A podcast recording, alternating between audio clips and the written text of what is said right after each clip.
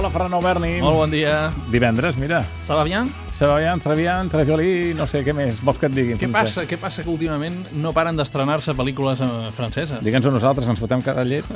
Què vols dir que us foteu cada llet, ara? Els noms, vull dir. Ah, val. Bueno, pues feu la traducció directament i ja està. no, és clar. jo dic tal com s'escriu. Així ho Queda tothom. Molt no? més honest que no passa una intentona d'aquelles. Bé, la veritat és que, malgrat el comentari, avui aquí que parlem de cine i com a dia d'estrenes, mm, us he de dir que s'estrena la pel·lícula del mes, com a mínim del mes, eh? Del mes. Es diu Les nieves del Kilimanjaro, ja ho veieu que jo dic en castellà directament, que és com s'ha estrenat doblada en aquesta llengua. Llàstima que no ho faci doblada al català. Bé, en qualsevol cas, dit això, la pel·lícula em sembla una lliçó de vida, un d'aquells títols que hauríem d'anar veient no sé, una vegada cada, cada any com a mínim, perquè és d'aquelles pel·lícules que jo dic que ens fan més humans, ens fan més persones, ens fan empatitzar amb la realitat que viuen els personatges d'aquesta pel·lícula, dirigida per un home, el Robert Guédiguian, que ens va fer ja fa molts anys un altre títol que jo tinc emmarcat en uh, les produccions que més m'han fet emocionar i que de les quals en guardo millor record, que es diu Marius i Genet. Doncs ara torna amb aquesta història que va aconseguir el Premi del Públic al Festival de Valladolid, per tant, malgrat no tenir grans actors eh, coneguts, bé, mm, Guédiguian sempre treballa amb la seva colla i són actors pels que segueixen la cinematografia de Guédiguian que són coneguts, no? que són populars, són cares conegudes, però els seus noms, evidentment, no surten a revistes eh, mediàtiques, no?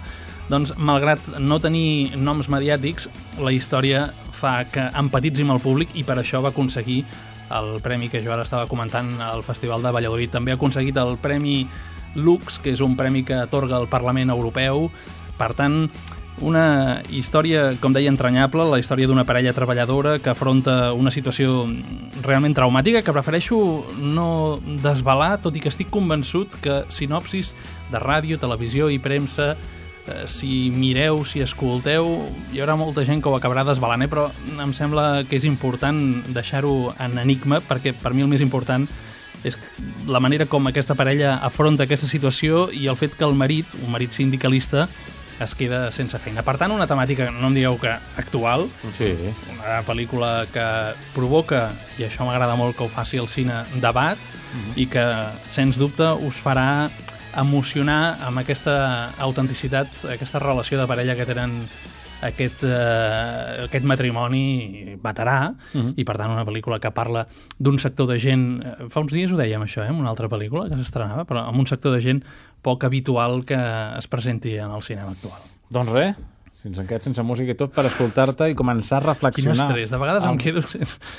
No ho entenc. Falta aire. Sí, sí, D'acord, doncs res. A partir de dilluns, Roger recorda portar una bombona d'oxigen. Molt bé, Bon cap de crispetes. setmana. Adéu-siau.